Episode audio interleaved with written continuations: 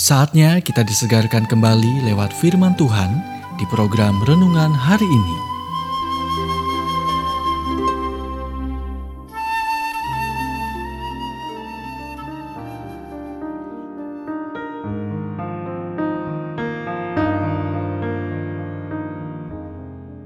Renungan hari ini berjudul Perlahan, bagian kedua. Nats Alkitab Roma 12 ayat 2 Janganlah kamu menjadi serupa dengan dunia ini. Masyarakat teknologi tinggi menghasilkan orang-orang yang stres. Tahun depan, kita akan memiliki lebih sedikit waktu karena secara statistik untuk setiap jam teknologi menghemat, itu perlukan dua jam Anda.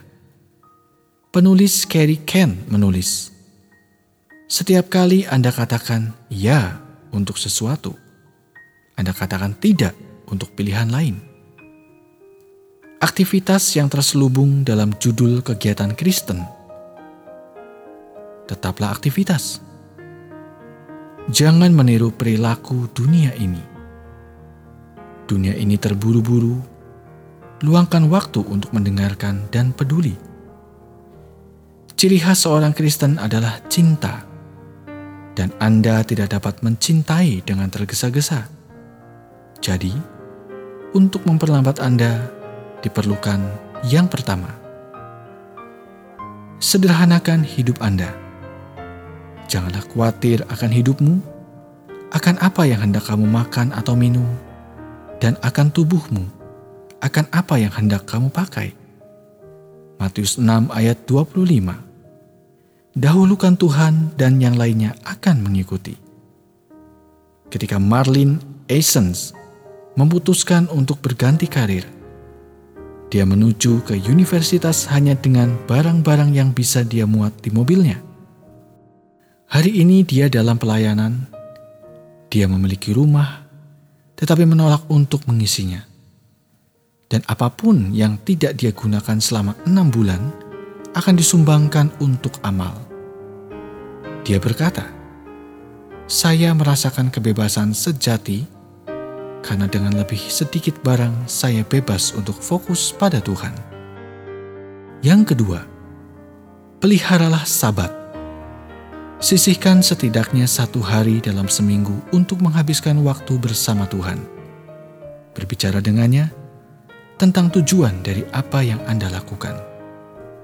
Beristirahatlah bersama orang-orang terkasih Anda dan bersekutu dengan keluarga di gereja Anda.